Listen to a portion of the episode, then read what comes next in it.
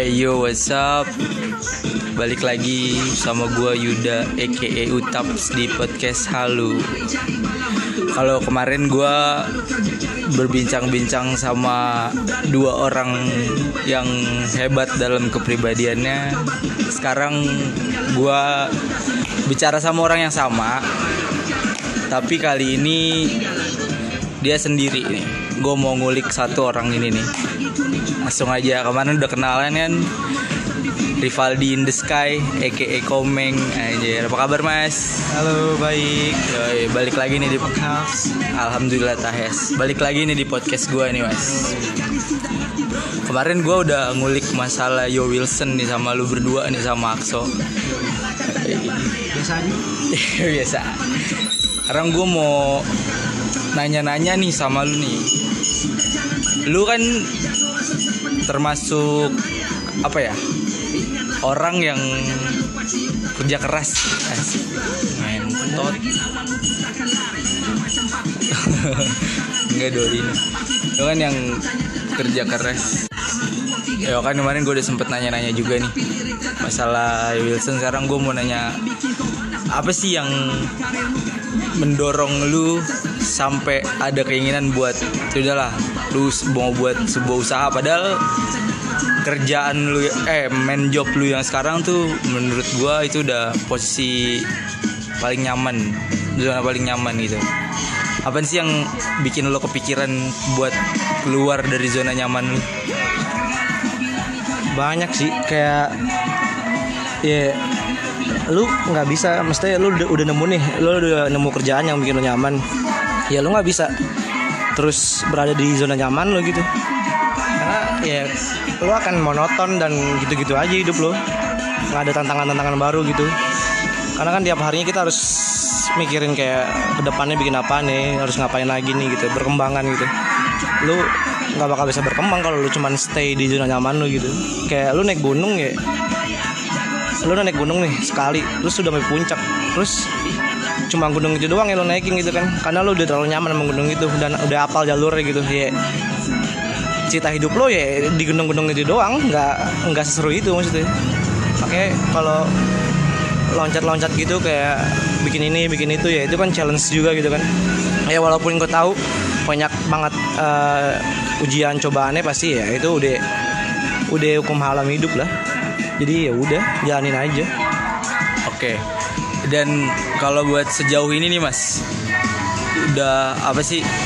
Kan lu juga ngejalanin nggak cuma satu dua hal nih. Ada ada beberapa ada beberapa side job juga yang lo ciptain entah itu dari lo sendiri dan lo sama temen lo kayak kemarin lo sama Akso di Yo Wilson atau lu sama temen lu yang lain di bisnis bisnis lo yang lainnya nih ada kendala tersendiri nggak sih mas buat lu mas dari masalah waktu terutama ya menurut gua ada nggak sih? Waktu iya sih. Sebenarnya kendalanya di waktu doang sebenarnya. Tapi gue mencoba kayak kalau lu eh, cinta sama apa yang lo lakuin ya lu bakal ngasih waktu itu gitu. Secapek apa pun lu gitu lu bakal tetap harus ngasih waktu ke tempat-tempat yang lu lagi bangun gitu. Karena menurut gue orang yang ngomong gak ada waktu itu bullshit sih. Kayak lu bukan gak ada waktu lu cuma nggak ngasih waktu doang gitu berarti menurut lo semua orang itu sebenarnya punya waktu cuma nggak punya niat. Iya dia nggak ngasih waktu aja sebenarnya. Gua lu hebat sih. Maksud gua hebatnya di umur lo yang masih jauh masih masih segini lu udah punya movement yang banyak gitu. Lu ngerasa lu tuh jadi motivator gak sih buat temen-temen lu sendiri? Motivator? Enggak lah gila. Gue biasa aja. Enggak. Enggak ya biasa aja gitu. Karena gue ngelakuin apa yang gue pengen lakuin aja. Ini kalau orang-orang ngerti kayak gitu ya alhamdulillah. Cuman ya gue ngelakuin apa yang gue lakuin doang gitu. Dan dan mungkin mungkin ya ada beberapa orang yang ngelirik lu bisa menciptakan sesuatu bisa ngelakuin movement dan ada juga yang akhirnya mencoba untuk terjun ke dunia itu. Lu ngerasa kayak anjir gua udah motivasi orang banget lu ngerasa pernah ada merasa kayak gitu gak sih? Enggak. Oh enggak karena kan ya ketika dia ingat gue ya berarti dia punya keinginan yang sama juga. Pasti punya hasil yang sama juga struggle struggle gitu. Maksudnya, ya dia punya punya niat yang luar biasa juga lah. Bagus. Bukan dari gue juga emang dari dia juga. Kalau dari background lu sih yang gue tahu kan emang lu dari dulu rebel nih anaknya nih yang ya, dari dari masih anak geeks banget. Terus juga ke skate skate udah mulai streetwear segala macem. Terus akhirnya balik lagi ke sport passion lu eh basic lo yang dulu kan lu sport banget tuh. Jadi lu udah udah coba semua tuh dan lu juga nggak dari situ semua nggak ada basic yang namanya lu berdagang nggak ada basic yang namanya bisnis. Apaan sih sampai yang bikin lo kepikiran sampai akhirnya udahlah gue mau terjun ke situ. Padahal lu nggak ada basic apa pun gitu. Maksudnya bukan nggak ada basic apa pun lu nggak ada uh, apa namanya buta akan laba buta akan apa namanya marketing segala macam gitu. Tapi lu memberanikan diri untuk terjun gitu ya ka- kalau kata Nike kan just do it. Jadi ya udah lakuin aja. Jadi semuanya itu ya kayak goesan gue doang gitu. Gue suka segalanya ya kenapa enggak gue jadiin duit gitu kan. Gue suka fashion ya gue bikinnya Wilson gitu tentang s- stylish terus gue suka sepatu gue bikin the footwear gitu. Gue suka makan makan kuliner gitu dimsum segala macem. Ya gue bikin dimsum. Ya bukan karena gue maruk duit tapi emang ya semuanya gue suka. Ini semuanya kesukaan gue doang semua egois gue doang gitu. Yang yang akhirnya gue jadiin duit gitu kan. Dan berarti semua yang lu buat ini berasal dari keegoisan yang ada di pikiran lu aja tuh. Dan banyak orang yang kayak ah lu, lu labil lu lu jadi anak musik terus hardcore tiba-tiba ke futsal terus tiba-tiba ke ini gue dengerin musik rap tiba-tiba musik eh, apa Fox tiba-tiba ini gue ya itu bukan labil anjing. Maksudnya ya idealis itu bukan segalanya gitu kan. Itu kan berarti ngomong idealis kan? Iya. berarti eh, adaptif juga penting. Maksudnya gimana ya? Lu boleh boleh ke sana ke sini tapi nggak kehilangan jati diri lo gitu. Lo boleh ke sana ke sini ke sana ke sini main nama ini main nama ini main nama pang main nama anak reggae main nama ini. cuman lu tidak kehilangan jati diri lo jadi ya udah maksudnya. Itu kan ilmu juga maksudnya kayak masa lo mau di circle yang gitu-gitu doang gitu kan terus apaan Oh udah udah. Eh oke, Ba- eh, ngomongin masalah idealis. Yang gue tahu ya, lo itu kan orang dengan idealis idealisme paling tinggi. Eh, enggak, enggak, enggak. Maksudnya biasa aja cuma id- lo juga keras sama idealis lo kan. Apa sih mas yang bikin lu sampai akhirnya kayak eh bukan bikin sih maksudnya lu pernah nggak sih kayak gue mau keluar dari idealis gue gitu. Ada gak sih hal-hal yang akhirnya sampai lu keluar dari jalur idealis lo itu? Enggak sih gue nggak keluar dari idealis gue gitu. Gue tetap berpakaian berpakaiannya selayaknya gue dari dulu gitu. Sama aja juga yang keluar dari idealis itu cuma cara mencari uangnya doang kan tadi kan lu bahas masalah adaptif idealis dan adaptif. Lu udah ngerasa kayak ketika gua udah terlalu keras sama idealis gua gue juga harus bisa eh, adaptif sama semua. Lu udah kayak udah udah ngerasa kayak gitu belum? Justru gue nggak mau idealis. Why do that? Ngapain sih? Maksudnya lu nggak bakal bisa makan anjing kalau lu idealis gitu. Semua orang akan teriak-teriak gitu anjing. Maksudnya ketika lu nggak punya duit ya semua orang akan keluar idealisnya gitu. Se lu bikin clothingan tentang streetwear gitu kan. Terus streetwear udah mendem gitu. Terus eh, pakaian lo udah mulai nggak laku. Ya lo bakal keluar idealis kan dengan cara marketing yang lain. Entah lo kolaps dengan eh, brand bola gitu kan yang yang ya. Iya maksudnya ya lu semua akan keluar dari zona idealis dia karena karena semua orang butuh makan duit gitu. Oke oke. Berarti, nah menurut lo kan banyak orang juga nih mas yang salah mengartikan gitu tentang idealisme idealisme. Karena ada yang gue juga pernah pernah ada orang ngomong ideal menurut lo ya idealis tuh sama nggak sih sama gengsi? Enggak. Kenapa gitu idealis itu cuman apa sih eh, image sebenarnya. Image maksudnya kayak ya udah ini gue begini gitu. Lo mau terima enggak ya udah gitu. Gue bikin ini mau laku mau enggak ya udah gitu. Kalau gengsi itu?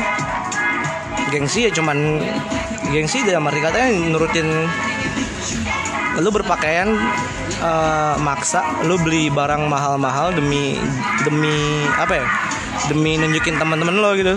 Ya itu gengsi maksudnya kayak sebenarnya lu pakai pakaian mahal demi demi dilihat orang lain lu bodoh gitu. Lu ngeluarin duit banyak-banyak cuma untuk dilihat orang lain. Padahal orang lain tuh ngerti biasa aja lu pakai jam 2 juta lu pakai sepatu 3 juta lu jalan ya biasa aja gitu. Kecuali label harganya tuh tempelin baru mungkin kayaknya orang wow gitu. Oh berarti nih jadi buat lo semua yang masih salah nyimpulin atau salah ngartiin idealis sama gengsi itu ternyata berbeda gitu. Nah sebenarnya ini mas cita-cita lu apaan sih? Serius gue mau tanya karena ya apa ya orang-orang eh, bukan orang-orang sih banyak juga yang keluar dari cita-citanya juga sih. Cuma gue mau tahu ya gitu cita-cita lu apa sih sebenarnya? Karena semuanya juga udah lu lakuin kan? Semuanya juga udah lu kerjain kan? Ada gak sih yang udah mimpi-mimpi lo yang udah tercapai gitu? Cita-cita gue cita gue malah jadi main timnas futsal Indonesia oh iya lo basicnya sport banget waktu itu anak futsal. Iya cuman eh, waktu nggak nggak ngedukung gue gitu. Dan dan lu percaya atau enggak ya gue pernah nanya ke Aldi kan mas cita-cita lo apaan sih? Dia cuma jawab gini cita-cita gue simple bisa memanusiakan manusia. Anjing gokil. Respect. Keren keren keren. Nah dari dari semua usaha yang udah lu buat nih mas itu masuk ke list hope lu gak sih? Dan ada yang udah terwujud gak sih nggak ada. Eh sorry hope list karena kan kalau kata Jason Ranti itu hidupku adalah sebuah ketelakan dan keajaiban. Jadi iya maksudnya lo tiba-tiba bikin ini ya itu lo antara ketelakaan aja. Terus tiba-tiba lo dapat sesuatu gitu ya itu adalah sebuah keaja- ke- keajaiban gitu. Ya emang emang semua dire- direncanakan sama Tuhan. Tapi kan kan semua kan di luar kepala kita. Kok tiba-tiba kita nyemplung ke sini tiba-tiba nyemplung ke sini gitu. Ya itu ya benar sih hidupku adalah sebuah kecelakaan dan sebuah hidupku adalah sebuah kecelakaan dan ke- sebuah keajaiban Anjir. Nah, pertanyaan yang sama mau gue tanyain sama yang sebelum-sebelumnya nih, Mas.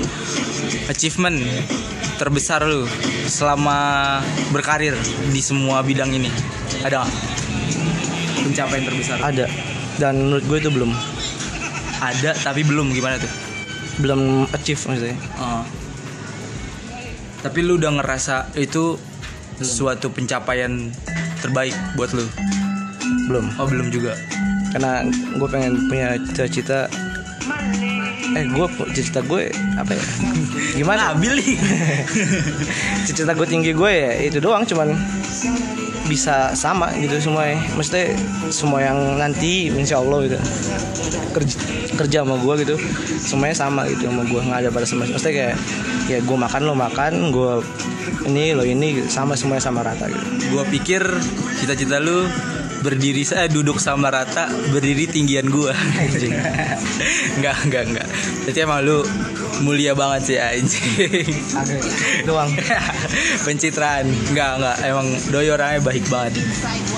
Nah ke depannya nih mas ada yang mau lu lakuin lagi nggak sih mas? Ada movement yang akan lu buat lagi nggak sih? Selain di bidang makanan di bidang fashion di bidang style segala macem. Ada nggak sih? Ada. Apa tuh? Semua usaha gue gue jadiin satu dalam satu gedung. Di situ ada lo bisa nyari baju lo bisa nyari sepatu lo bisa makan di situ. Jadi kayak semuanya ada di situ. Terus gue pengen punya cita-cita kayak hmm, di dalam situ ada skate parknya buat nongkrong segala macem buat orang main skate buat segala macem gitu. Oh, like cruise lah ya. Cuman itu cita-cita tinggi gue tapi di balik cita-cita tinggi gue ya ada ada step-step yang harus gue lewatin dulu gitu. Ya, berarti lu mau seperti bukan seperti sih, lu mau kayak 11 12 sama Lawless ataupun Cruise. Cruise dong. Maksudnya Bisa jadi kayak gitu. Lawless itu kan di situ ada apa namanya? Burger bar juga, ada tato studio juga, ada bengkel juga. Cruise juga seperti itu ada uh, clothingannya juga, skate park, ada tempat makan juga segala macam. Oh, berarti yang mau lu buat seperti mereka lah ya. Atau yang mungkin baru jadi sekarang kayak kreo iya gak sih? Bisa cuman iya sama sih. Iya. tipis-tipis sama. Hmm, cuma kalau kreo itu kan dia apa beda manajemen. Jadi cuma buat bangunan dan yang clothingan clothingan yang sekarang ngisi itu sewa di sana skatepark juga disiapin sama kreo tempat makan juga beda-beda kalau lu mau bikin satu label tuh iya satu label tapi kan isi palanya beda-beda tuh Indo Footwear beda, Yo Wilson beda, Dimsum beda gitu. Cuman tetap satu manajemen gitu. Itu cita gue sih, cuman itu kayak butuh step yang waktu yang panjang, mungkin 10 tahun, 5 tahun. Oh, jadi ya 11 12 sama itu semua lah Mas ya. Hmm. Nah, berarti kalau misalnya itu ada tadi ini belum belum gue masih penasaran nih ada mimpi lo yang udah terwujud gak sih selama lu hidup di tahun-tahun ini Nggak ada nih. Eh, bukan nggak ada sih. belum ada gue biasa aja soalnya soalnya gue bukan orang yang terlalu berekspektasi dengan mimpi-mimpi gue gitu karena yang bikin yang bikin lo yang bikin lo kecewa gitu. Sama orang sama pacar atau sama usaha lo sama temen lo atau siapa pun ya ekspektasi lo ter- ter- terlalu tinggi sama mereka gitu. Jadi yang bikin lo kecewa ya ekspektasi lo sendiri. Jadi biasa-biasa aja gitu. Oke oke. Dan apa namanya? Yo Wilson berdiri 2019 ya 2019 terus di apa namanya Indo Footwear tahun berapa? 2020 2020 berarti bareng sama, bareng sama Dimsum Indo Footwear secara nggak langsung ya di tahun yang sama ya? Iya, cuman dimsum udah masuk masuk corona tuh. Oh. Dia orang-orang butuh duit. Nah. dan menurut lo tahun-tahun terbaik buat lo selama 2019 sampai sekarang awal 2021 ini masih awal kan baru bulan kedua? Iya. Sampai 2021 ini di tahun keberapa sih mas? Tahun-tahun terbaik menurut lo selama lu ngejalanin ini semua? Tahun berapa ya? sama aja sih. Semua semua sama aja tuh. Karena gue biasa aja gitu kayak ekspektasi yang apa pun yang gue lakuin itu ya biasa aja. Misalkan ada sesuatu yang besar terjadi di hidup gue ya ya udah maksudnya nanti juga lewat gitu. Lo miskin nggak punya duit ya masa-masa itu akan lewat gitu. Tapi ketika lo nanti kaya dan lo punya banyak duit segala macam lo punya lo jangan senang dulu karena itu juga akan lewat. Jadi biasa aja gitu.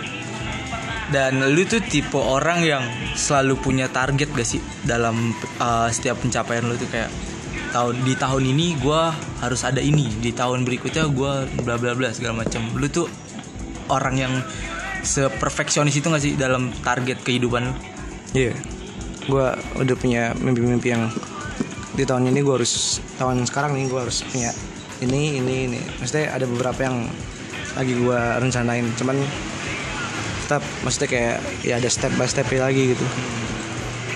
Ada target tuh harus ada dalam hidup, cuman jangan jangan terlalu berharap banget sama target lo gitu karena itu yang bikin lo kecewa juga jadi ya udah jalanin aja gitu sekerja keras lo aja biar biar nanti mimpi lo juga bakal lo injek sendiri gitu jadi lo jangan terlalu mimpi banget yang tinggi tinggi terus jangan terlalu berekspektasi dan berharap dengan mimpi-mimpi lo gitu jadi patokan lo cuma itu doang seakan-akan hidup lo cuma itu doang patokannya jadi ya udah jalanin aja step by step semuanya gitu just do it jadi ya nanti mimpi lo juga bakal lo injek sendiri gitu.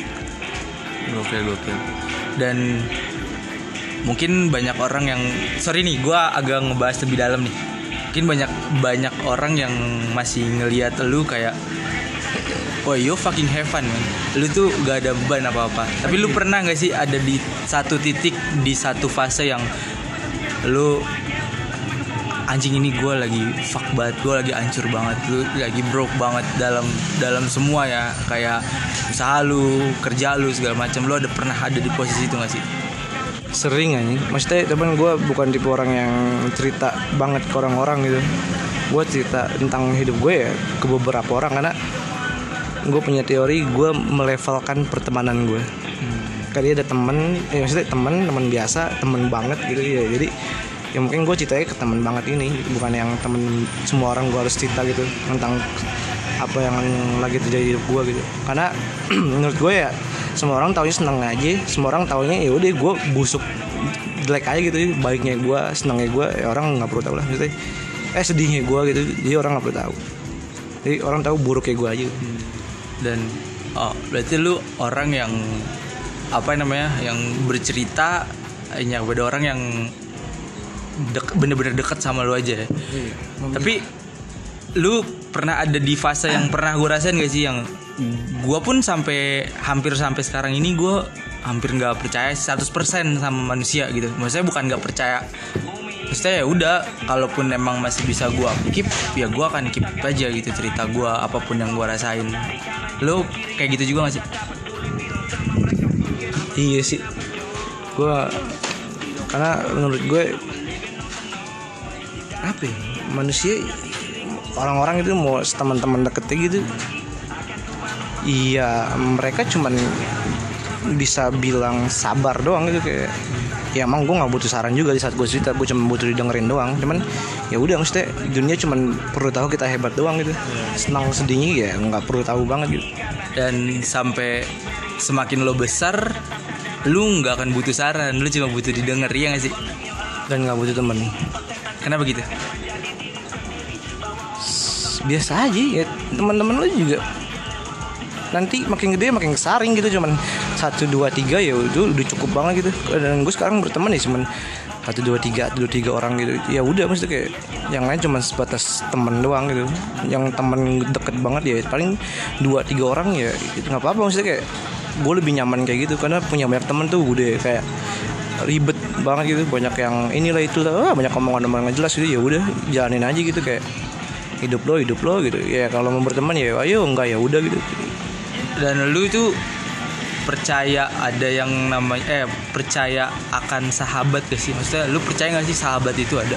Karena kalau gue sendiri gue lebih baik berteman gitu memang bersahabat gitu. Nggak ada. Karena sahabat itu kan satu katanya kan. Kata orang-orang kan sahabat itu satu. Jadi nggak ada sahabat karena sahabat lu yang lu bilang sahabat satu orang itu ya bahkan bakal pergi juga entah karena kerjaan entah karena cinta entah karena apa entah gitu ya bakal pergi juga jadi nggak ada sahabat gitu paling teman deket iya gitu Iya. Iya, gue selalu percaya itu sih. Karena selain gue percaya itu, gue juga selalu percaya orang orang yang bisa ngancurin kita ya orang terdekat kita gitu.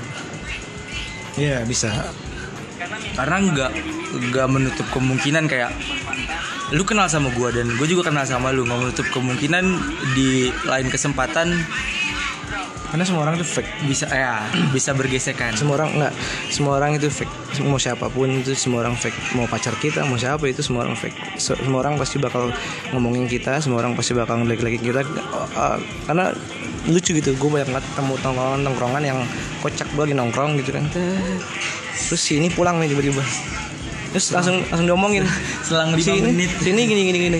Anjing lu maksud gue kenapa nggak lu pas ada orangnya? Tadi lu nongkrong tawa-tawa bareng pas dia balik lu omongin gitu. Itu tahi gitu kayak lu apalagi cowok gitu nongkrongan cowok. Jadi kayak aneh gitu makanya gue menghindari nongkrong kayak anjing kok kocak ya nongkrong mesti kayak lu habis nongkrong bareng tawa bareng gitu kan. Bisa jadi kayak mabuk bareng gitu. Tapi pas dia balik lu omongin tentang kelekannya gitu. Sini begini gini gini gini. Kalau kalau menurut gue sih itu siklus teman. pertemanan ya, itu siklus pertemanan. tapi enggak pasti namanya teman yang setia. Dalam kata arti kata setia nih. Entah itu pacar entah itu teman entah itu partner bisnis entah itu partner kerja atau apa pun itu. Kalau lo emang setia gitu Iya, lu akan lu berarti peduli dengan perkembangan gitu. Berarti ketika dia berbuat salah, ya yang harus lo lakuin lo tegur gitu kayak lu tuh kayak gini gini gini, lu jangan kayak gini gini gini. Berarti kan itu sebuah kepedulian gitu. Bukan berarti lu tahu kesalahan dia, tapi lu nggak omongin depan dia, malah lu omongin dep- eh, depan orang-orang gitu. Lu jatuh cuma ngejelekin doang, jatuhin dan orang itu nggak bakal bisa berubah karena lu ngomonginnya di depan eh di apa di belakang gitu. Jadi kapan dia mau berubah kalau lu ngomongin di belakang terus dia nggak bakal tahu kesalahan dia. Mungkin ada beberapa orang yang inisiatif tapi beberapa beberapa orang juga harus perlu ditegur gitu untuk akan kesalahan dia gitu. Dan menurut gue itu sah sah aja karena ketika ada orang lain kayak meng lu goblok lu, lu kayak gini gini meng lu tuh tolol sih gini gini gini ya nggak apa apa berarti dia peduli sama gue gitu. Bukan berarti kayak lu harus ngomongin di belakang gitu. Padahal lu tahu kesalahan dia yang sebenarnya itu bisa benerin gitu. Tapi lu nggak mau bilangin. Iya. ya dia nggak bakal bisa berubah gitu. Karena karena menurut gue ya. Tapi itu ada prosesnya juga. Lu cowok ya lu harus kooperatif di depan. Dan di belakang lu harus sportif juga. Tapi itu juga ada prosesnya juga. Prosesnya sih ya lo pendekatan dengan dia gitu. Lo nggak bisa kayak langsung tiba-tiba negor dia baru kenal nggak bisa. Gitu. lo butuh waktu berteman dengan dekat dulu baru lo bisa negor atas kesalahan dia. Jadi ya nggak bisa sembarangan orang lo langsung tegur gitu atas kesalahan dia gitu. Jadi ada yang tersinggung oke lah wajar gitu. Karena mungkin kalau temannya udah lama banget udah deket banget dia tegur saling negor gitu ya wajar. Karena itu untuk kesetiaan bentuk kepedulian akan perkembangan mereka masing-masing. Oke oke. Cukup rada mendalam juga nih perbincangan episode ini nih. Nah buat buat tahun-tahun ini nih mas, yang lagi lo kejar tuh apa sih mas? di sebenarnya gue lagi fokus eh, mau ini dimsum dulu nih kayak iya, gue pengen Nah tempat ah bentar bentar. Ini kan ada ada ada tiga ada tiga bisnis lo nih. Di fashion dua, di makanan satu kan. Ketika lu ngomong gue mau fokusin ke si dimsum ini nih.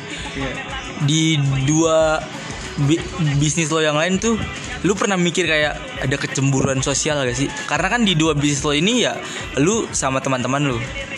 Lu pernah mikir gitu gak sih? Enggak sih. Karena gue bisnis ya ngomong juga ke tempat gue gue mau bikin ini gini dan gue tetap akan fokus ke itu juga gitu ke yang lain-lainnya gitu. Karena ya seru aja gitu maksudnya kayak lu ke sini sini jadi tiap hari lu nggak nggak ada kosong banget aktivitas lo gitu. Ya berarti biar ada fokus masing-masing juga ya. Nah kalau kemarin gue udah bah eh, udah nanya-nanya soal Yo Wilson sama lu sama Akso mungkin gak sih ke depannya gue mau nanya-nanya soal Indo Footwear nih lu sama Patan ya gue mau mau nanya-nanya soal Indo Footwear karena menurut gue itu keren sih lu bisa ngangkat lokal brand sepatu satu lokal di tengah-tengah orang yang sekarang lagi gencar-gencarnya berburu barang-barang luar gitu. Yang menurut gua kela- eh, standar sama kelasnya ya nggak nggak beda jauh gitu. Gue pengen nanya-nanya soal itu sih lu kenapa sih bisa kepikiran buat ngangkat itu? Selama gue bikin Indo Footwear itu jual batu-batu lokal. Gue nggak pernah bikin diskon. Ya. Karena gue pengen sepatu lokal ya layak gitu dihargain mahal gitu. Sepatu lokal layak dihargain mahal dan pantas untuk dibeli dengan harga segitu gitu. Banyak yang kayak gue ngeliat di marketplace wah sepatu lokal tuh kayak cuman harga seratus ribu gitu gitu cuman kesian aja gitu maksudnya kayak lu eh, dia udah berkembang gitu cuman lu hargain cuma segitu gitu kan. Maksudnya kayak ya udah mesti kayak kayak gue emang agak idealis nih gue di sini. Kayak soal harga itu gue idealis. Gue nggak pernah mau ada diskon karena ya itu gue pengen barang-barang lokal sepatu lokal gitu. Ya cocok gitu pantas dihargain mahal gitu. Apaan sih yang bikin lo percaya sama lo yakin nih? Ini kan yang lo angkat brand lokal ya. Maksud gue kayak lu optimis aja gitu di saat orang-orang banyak yang nyari apa namanya sepatu-sepatu luar yang masih masih bergaya hype dengan barang-barang luar gitu. Lu tiba-tiba masuk nih yakin dengan brand lokal yang lu pegang sekarang gitu. Bukan lu pegang sih maksudnya yang lu jual-jual sekarang. Apaan sih yang bikin lu optimis sama yakin gitu mas karena secara market secara pasar pas lu naik tuh brand lokal lagi turun ya nggak sih? Paling yang naik ya itu itu aja kompas atau apa pun gitu. Apa sih bikin lu pede sama lu yakin? Lu percaya gak ketika lu keren? Lu keren nih gitu. Pakai barang yang biasa aja gitu. Pakai baju polos Indomaret juga. Kalau lu keren ya kalau keren aja gitu. Lu mau pakai sepatu Jordan cuman cara berpakaian lu norak ya lu tetap norak kelihatannya. Jadi ya udah maksudnya lu mau pakai barang semurah apa pun ketika lu emang keren ya lu keren aja gitu. Tapi kalau lu pakai barang semahal apa pun tapi dengan cara lu makainya dengan norak gitu ya lu norak aja gitu. Oke oke. Mungkin lebih lebih banyak gue mau ngebahas Indo Footwear nanti kali ya. Kalau lu udah sama Fatan nih kapan nih kita bisa bincang-bincang lagi nih. Patan sibuk banget. Oh iya tuh juga punya set job ya Doi. apaan sih Doi punya Taichan. Taichan STW. Yo Dia penggantinya Okin doi. Kan Okin dicerai tuh. Doi yang naik. anjing. Ah, udah ntar dicerai pula.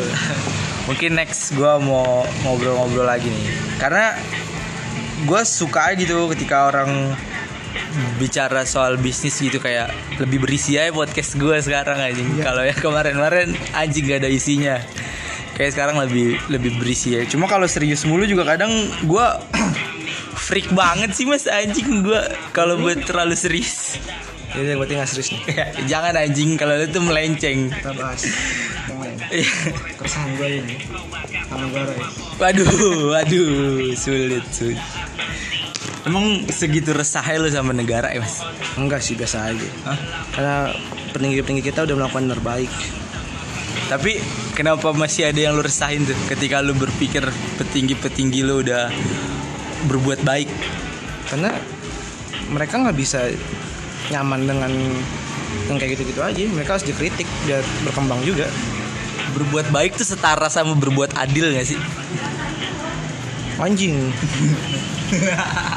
berbuat baik setara dengan berbuat adil. Iya gak sih? Atau enggak? Karena menurut gua ketika orang bisa baik sama orang belum tentu bisa adil sama orang. Contohnya? Ya banyak. Ya apa? ya? Iya, Kalau ngomong lo punya konsep lo. Iya, gue punya konsep. Ketika lu jadi petinggi di sana, lu bisa berbuat baik, ya kan? Tapi lu belum tentu bisa berbuat adil karena gua merasa kurang dapat. Bukan gua juga, bukan gua doang gitu. Banyak orang yang merasa kurang dapat keadilan di Dalam bentuk apa pun, dalam bentuk apa pun. Mungkin juga lu ngerasain gitu keresahan lu. Karena kan lu lebih banyak resah nih sama negara nih. lo mikir gak? Lo mikir gak? Gue tanya deh. Banjir tuh salah siapa? Banjir nggak bisa disalahin. Enggak salah siapa? nggak bisa nyalain pemerintah juga sih mas kalau menurut gue karena ya dari dulu udah ada banjir ya Salah juga. gimana tuh Sebenarnya masyarakatnya juga. kenapa masalah sampah Nih mereka nih, nih petinggi-petinggi kita nih dia ngelakuin terbaik gitu. Cuman mereka si masyarakatnya tetap buang sampah sembarangan gitu. Iya, dan nggak ada yang mesti lu aja nggak disiplin. Lu mau nyalain pem- nyalain pemerintah dari mana gitu? Lu mau mau hidup enak gitu mau buang sampah sembarangan ya terus ketika banjir lu cuma bisa nyalahin gitu. Anjir lu lu juga harus disiplin aja jadi, jadi masyarakat juga. Dan itu juga sih mas eh, apa namanya A- anehnya orang Indonesia tuh gitu. Ketika tinggi di sana berbuat salah lu tapi lu tidak gencar-gencor sana sini kan. Tapi ketika lu buat salah ya lu tetap keteriakan gitu. Cuman lu juga melakukannya gitu juga membantu merusak bumi gitu kayak lu buang sampah sembarangan segala macem. Anjing lu cuma bisa nyalahin doang yang terjadi sekarang kan. Iya, itu itu itu gua sangat apa ya sangat walaupun udah lewat ya itu gitu terburuk sih menurut gua. Amat respect. Pas ketika ada salah satu petinggi ngomong banjir ini dari Depok. Anjing lu kayak nggak ada solusi banget gitu cuma bisa nyalain kota-kota orang mulu gitu. Waktu itu Surabaya sekarang Depok. Maksudnya lu nggak ada solusi gitu selain menyalahkan kota lain gitu. Maksudnya lu kan diangkat menjadi ini untuk dari masyarakat ya untuk menemukan solusi bukan menyalahkan gitu kalau kata Tuan 13 ketika pohon terakhir udah nggak ada hewan terakhir udah nggak ada sisa air terakhir juga udah nggak ada lu bakal bisa ngerasain lu nggak bisa hidup dengan money ya lu nggak bisa hidup dengan uang iya tapi kayak lebih seru hidup kayak gitu deh hidup kayak gimana nih? yang tadi yang tadi Tuan Kilas bilang jadi nggak ada orang berlomba-lomba untuk si paling kaya si paling keren jadi Oke oke. Berarti, duh ini keresahan lu sama negara banyak nih. Gue juga takut salah ngomong juga sih. takut salah bertanya ya kan. Tahu-tahu gue up besok gue hilang. demokrasi besok gue hilang. bebas berbicara bebas pendapat yang penting tidak ada kata penghinaan Eh, Oh iya, nggak ada yang menghina juga sih, cuma mengkritik kenapa lu bisa nyalain kota-kota lain. Iya. Nggak ada solusi gitu kayak pas gue baca anjing lu cuma bisa menyalahkan tidak ada tidak ada apa solusinya gitu. Cuma bisa nyalahin si banjir ini dari Depok kan gitu wah lu kayak udah kota lu bener banget Iya, oke oke. Oke. Oke, Mas. Kayak cukup sampai di sini dulu nih Mas nih perbincangan kita nih di sore-sore sendu gini nih kan anjing. Next gue mau coba ngobrol-ngobrol lagi sama yang mungkin orang-orang yang punya pengalaman hidup terbaik menurut dia masing-masing. Yang menurut gue juga ini orang ada ada kerja ini di hidupnya dia nih. Jadi gue mau banyak mau ngulik, banyak mau nanya. Iya. Gue banyak mau ngulik orang-orang yang kayak gitu. Gue mau tanya-tanya. Apa? enggak Yeah. Ngomongnya delay. Ya udah, cukup sekian perbincangan gue sama lu ngomongin pengalaman berarti menurut lu pengalaman tuh kayak menurut gue pengalaman tuh berharga sih. Menurut gua pengalaman tuh berharga. di hidup gitu Nggak berpengaruh, tapi berharga menurut gua. berpengaruh juga karena lu Kenapa tuh? lu nggak akan di- kebentuk sekarang gitu kalau lu nggak ngelakuin pengalaman-pengalaman yang pahit gitu mental lu nggak akan sekuat ini kalau lu nggak akan dikasih cobaan-cobaan dulu sama Tuhan gitu. Nih Mas, kayak gue mau ada apa namanya part-part baru nih di setiap ini gue, setiap bintang tamu gue. Coba dong buat di ending nih, the best quotes, eh the best quotes for today. Menurut lo? Eh dari lo? Gue menurut lo sih bagus. tentang apaan Ya apa pun, pokoknya kan gue bilang quotes. ya ketika ini emang nggak nyambung tapi yang dari baju Wilson aja ketika lo berbuat baik ketika lo sayang sama orang ya lo baik baik aja gitu. Tanpa ada harapan kayak anjing gue udah baik sama lo cuma kok lo nggak baik sama gue gitu. Jadi gue udah sayang sama lo gitu. Teman lo kok lo nggak sayang sama gue cuman ya itu hidup mesti ya lo jalanin aja gitu. Ngapain lo harus berharap sama orang gitu?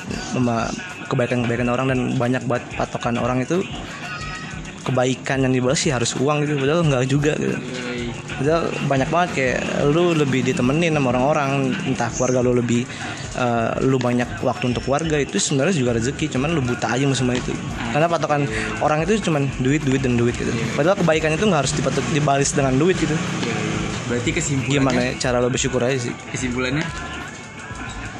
Iya berbuat baik is baik aja ikhlas gitu Oke, Rivaldi 2021. anjing. nggak gitu juga sih Oke.